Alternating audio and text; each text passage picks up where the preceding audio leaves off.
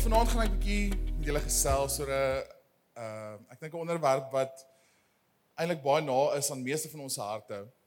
Oor iets wat ons baie geniet om in te souk en in saam tyd te spandeer. En maar voordat ek daar wil begin ek hou van die wat my nie ken nie ekskuus my naam is Heinrich ek is die kinderbediening leier hierso by Dokstelle Tutin maar ek doen 'n klomp ander goed ook So ek hou daarvan om vrae te vra, maar beteken nie jy gaan nou klop antwoorde of vir my hoef te gee nie.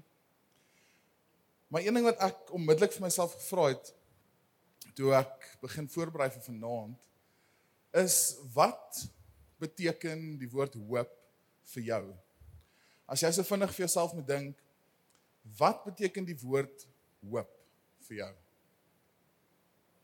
Want ek dink meeste van ons kom dieselfde konklusie of die algemene konklusie is hoop is gewoonlik vir ons 'n uh, konsep wat ek hoop vir iets en ek hoop iets gaan gebeur. Ek hoop ek het nie load shedding vanaand nie. En jy weet eintlik jy sit jou hoop en jou vertroue daarin, maar jy weet as dit jou as dit nie gebeur nie, dan is dit alraai. En dit is my so snaaks hoe ons hoop so 'n fleeting so 'n alledaagse ding gemaak het. Maar dit beteken eintlik so so baie. Want kyk, hoop het 'n ewige waarheid. Hy het 'n waarheid wat nie een van ons teen kan stry nie. Want as ek vir die woord hoop sê, dan weet jy presies waarvan ek praat. Ek hoef nie eers jou te verduidelik wat dit beteken nie.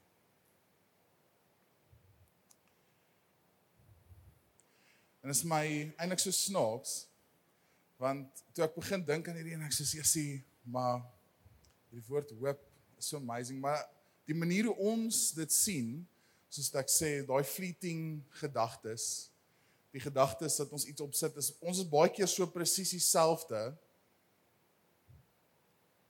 met ons finansies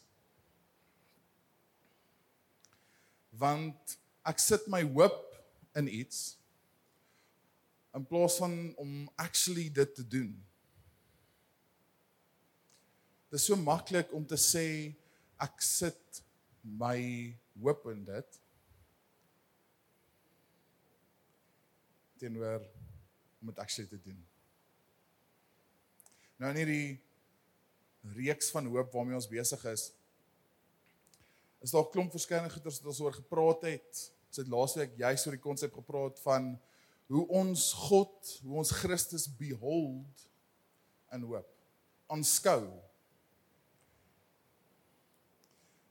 En Maurice het juist oor die konsep gepraat van what we behold, we become.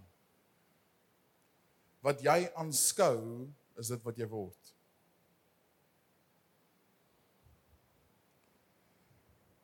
En soos ek vanaand wil begin, wil ek begin met 'n storie.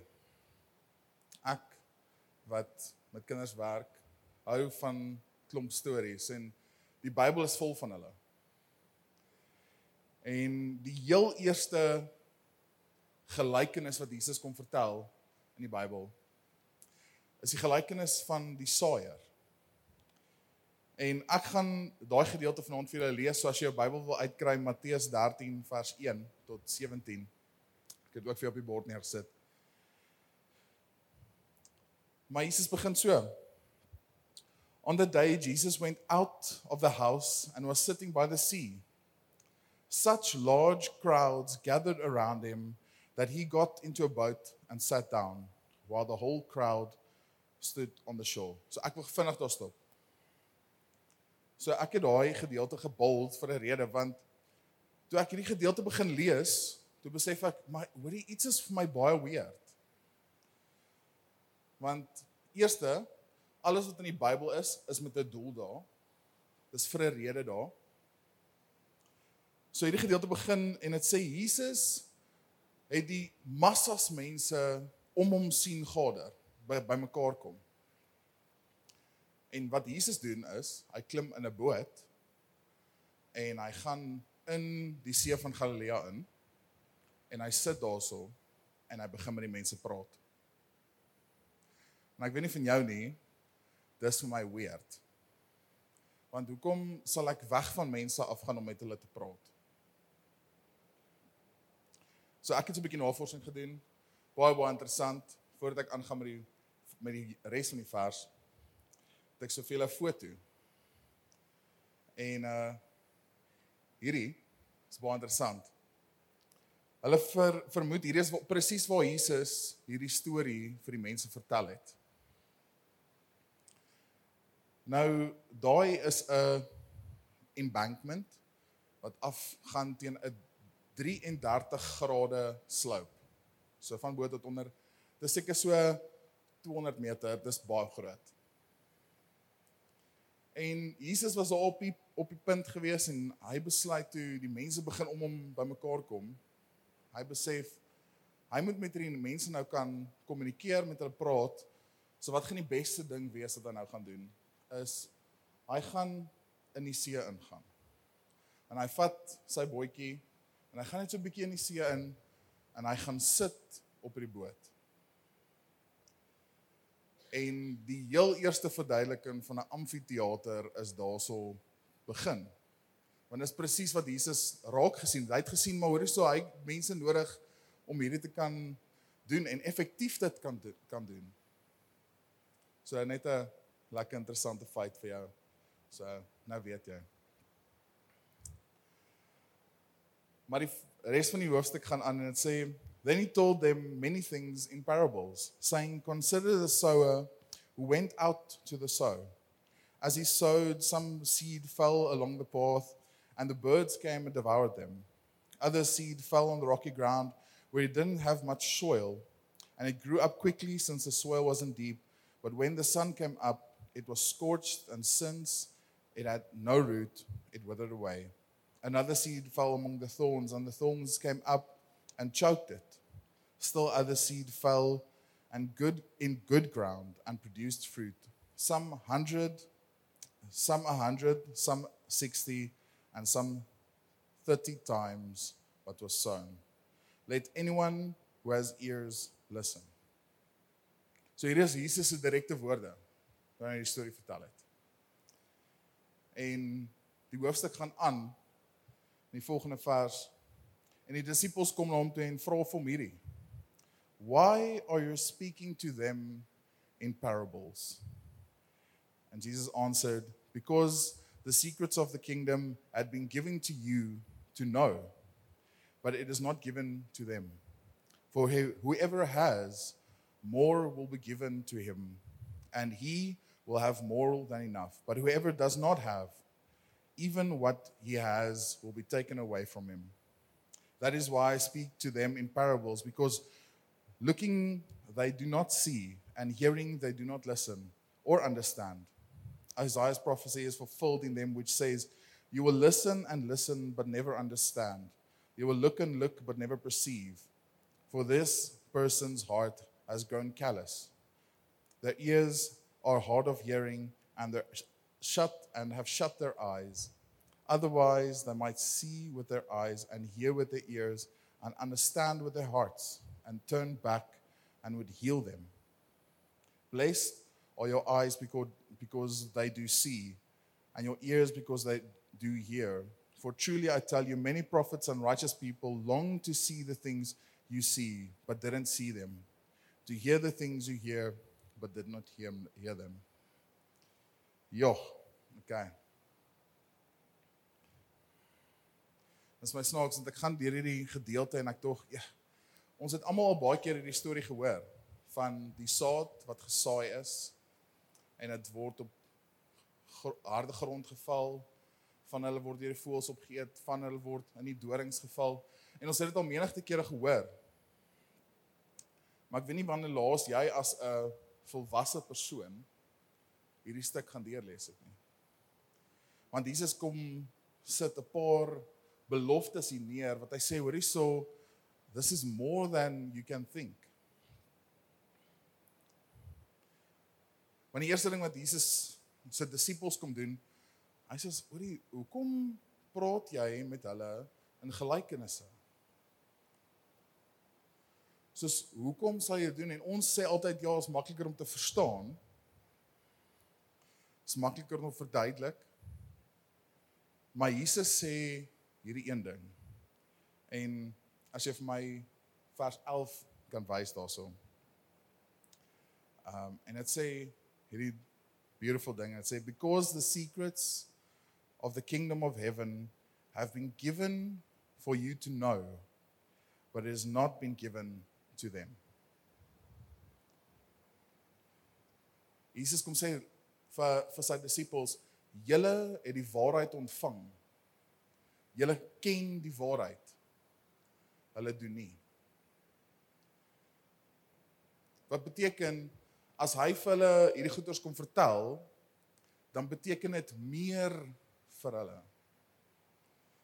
Maar as hy dieselfde manier wat hy met sy disippels praat, met die mense daar sou praat, dan sou dit weggevat het van dit wat hulle geweet het.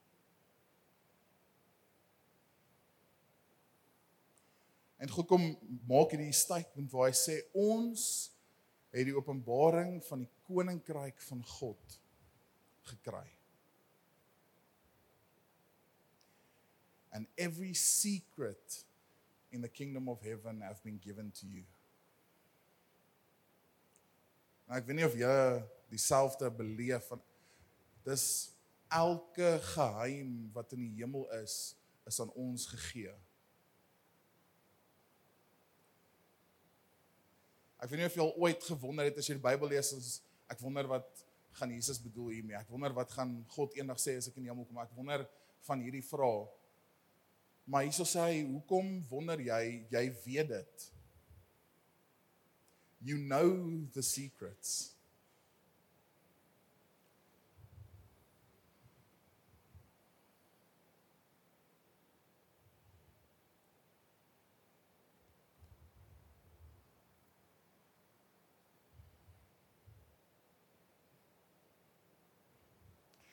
Die oomblik wanneer ons God se koninkryk begin aanskou en begin behold soos ons laas oor gepraat het. Begin ons goeders raak sien wat ons van tevore nog nie gesien het nie. Daar begin begin goed oopgemaak word wat vir ons nog nooit dieselfde was nie. Dit so, is altyd so so opvallend dat as iemand begin 'n selgroep lei of begin in 'n plek van leierskap in beweeg. Ewe skielik begin hulle goeders raak sien en hulle begin goed openbaar wat nog wat ewe skielik 'n revelation is. Want ewe ewe skielik begin ons soek na goed wat ons oor gedink het is net geheime. Wat ons gedink het is net secrets. Ons begin onsself position in plekke waar ons begin besef maar jy's ek het nou iets nodig om my te help op hierdie journey.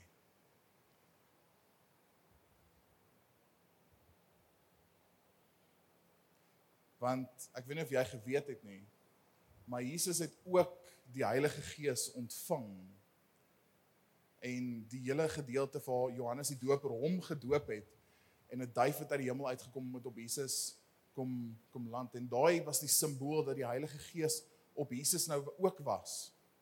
In Jesus was. Hy was 100% mens, 100% God gewees.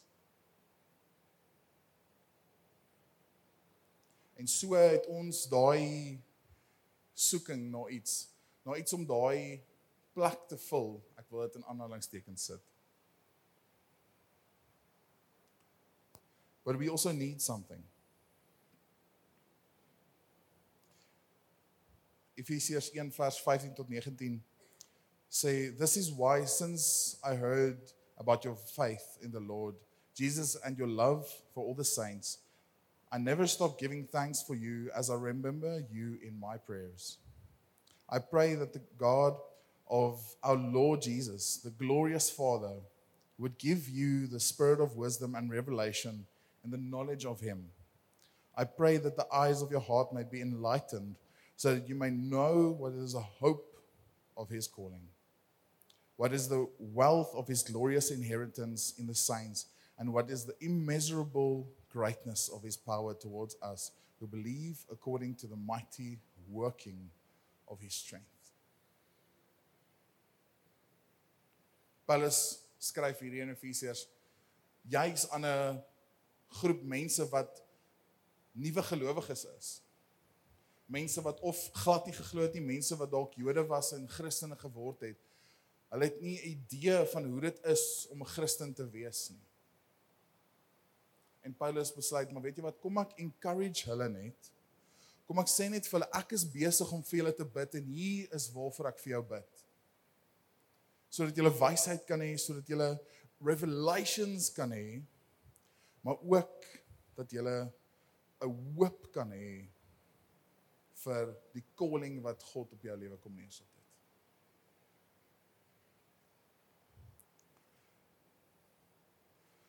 Paulus kom raai hierdie mense aan, hoor so ek wil hê jy moet 'n verhouding met die Here hê. Ek wil hê jy moet God leer ken in elke liewe aspek van jou lewe. Ek wil hê jy moet hom so goed leer ken dat jy alles om jou in vaskyk en jy sien Christus en jy sien God. Want dit is so maklik om die teenoorgestelde te doen en sê weet jy wat ek sien 'n duiwel in elke liewe ding. Maar hier kom sê Paulus môre sê ek wil hê julle moet God in alles sien.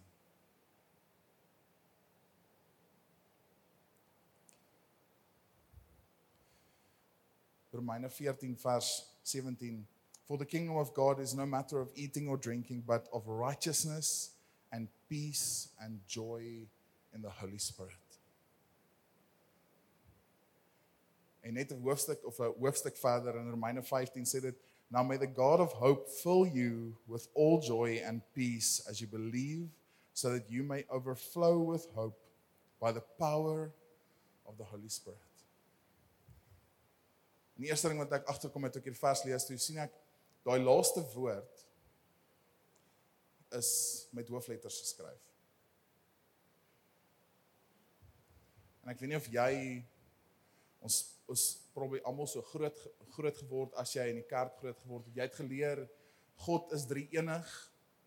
Vader, Seun en Heilige Gees. En ons dink baie keer as die Vader is die een wat op die troon sit. Jesus het afgekom aarde toe. En die Heilige Gees is net hier.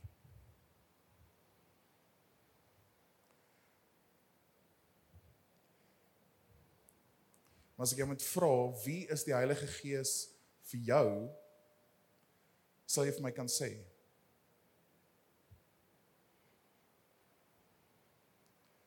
Want die oomblik toe ek daai lees, toe besef ek die Heilige Gees is nie net nog 'n ding nie.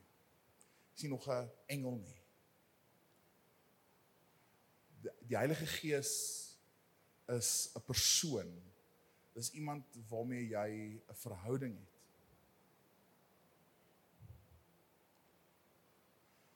en die Heilige Gees is die embodiment van hoop. En in daai selfde sin wil ek dan add as die Heilige Gees 'n persoon is, dan beteken dit hoop is ook 'n persoon. Dit beteken ek het iewers om mee terug terug te gaan because there is a person that I can rely on. Dis nie net 'n gevoel of 'n denke nie. Dis 'n lewendige being waarmee ek 'n verhouding kan hê. Waarmee ek saam kan staan en wat saam met my in hoop kan staan.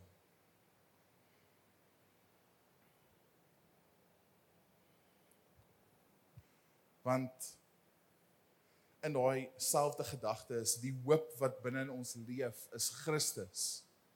En in daai hoop as persoon kom lewe die Heilige Gees deur ons en in ons nie om weg te gaan en terug te kom en nou en dan is dit lekker nou en dan is dit sleg nie maar hy kom leef in ons en hy sê weet jy wat ek maak my well-being binne in jou ek kom leef in jou en ek gaan nie daaruit beweeg nie.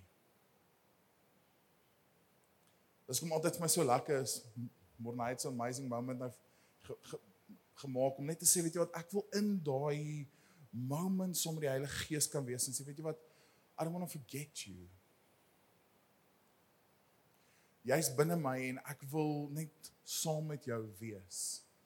Saam met Christus wees. En dit is so lekker. Ek weet nie van julle nie, maar as ek begin worship, kan ek beleef hoe my liggaam net sê, Here, hier is ek. En ons begin goed raak sien nie net in jouself nie, maar in ander mense. Want jy begin sien hoe hy so daai persoon is gevul met die Heilige Gees want ek kan dit ek kan net sien the way of being is different.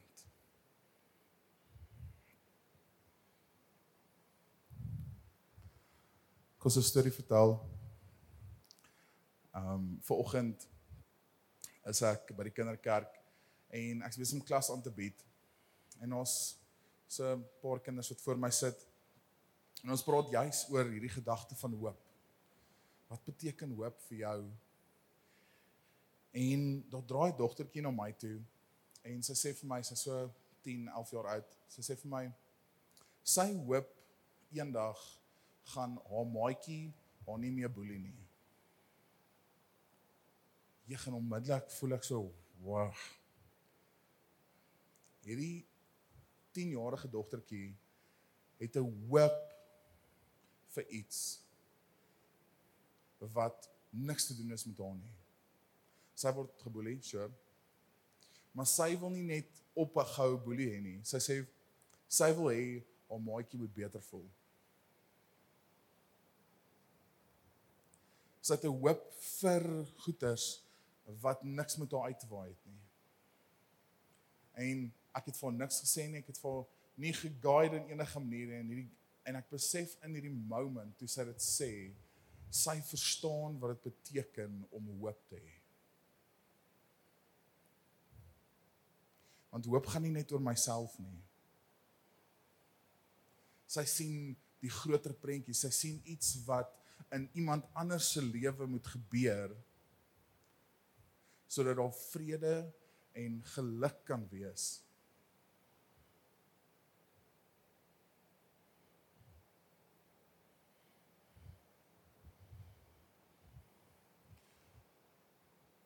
En ek dink regtig in hierdie oomblik dis dis my regtig so 'n uh, vraag eintlik wat ek vir jou wil gee is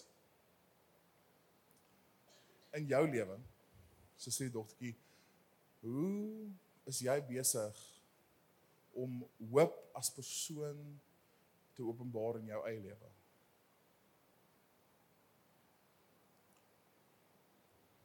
want ons kan terugsit en sê weet jy wat Vanaand is net nog 'n aand. Hoop is net hoop is net hoop. En ons hoef nie verder oor te praat nie. Dit hoef nie meer 'n ding te wees nie. Maar ek dink die feit dat ons as Doxedao en Doxedao familie gegaan het om sê weet jy wat ons is so convinced oor hoop. Ons is so op hoop dat ons besluit ons gaan hierdie hele jaar lank daar praat. Want hoop is nie net 'n once off thing nie. Dis 'n besluit wat jy moet maak. Daar's 'n belyning wat jy moet hê. Want as jy nie die besluit maak om te sê hoop Heilige Gees Jesus kom verander wie ek is. Change who I am. Change the way I'm thinking change my outlook on life. Want dit is so maklik om vas te kyk aan die load shedding of die potholes of die diefstal. Om te sê hoe anders kyk ek dan om te sê weet jy wat ek kyk liewer vas in die liefde. In die vrede en die hoop vir mense wat sê weet jy wat kom ons verander 'n stad. Kom ons maak 'n impak in goeders wat groter is as ons.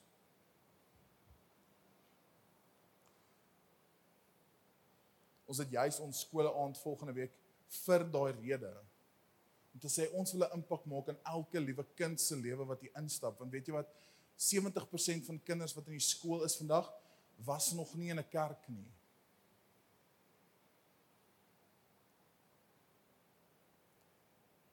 En is scary. Om te kan sê hoe's ek besig om myself te belyn om regtig te sê Christus kom vat my in die regte rigting in. Take me where I need to be. Nou gaan die worship team vra om vorentoe kom. Maar ek dink dis regtig vir my 'n moment ek en ek love wat Morney gedoen het. Ek wil hê jy moet hierdie moment vat ook weer. Die worship team gaan nou 'n song doen. My naam Secure. En ek wil jy moet hierdie tyd vat om te sê reflect op dit wat die Heilige Gees binne in jou wil kom doen. Binne in jou wil kom establish, binne in jou kom kom bou.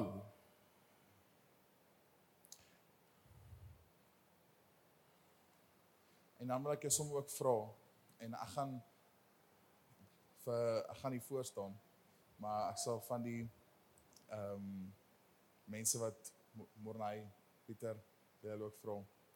Maar ek wil hê vanaand as jy sê weet jy wat ek het gebed nodig.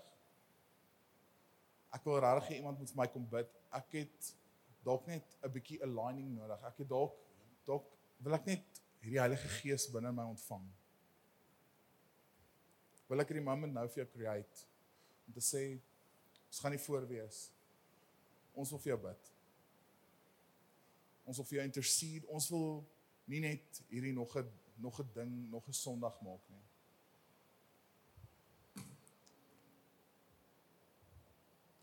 So gebruik hierdie geleentheid.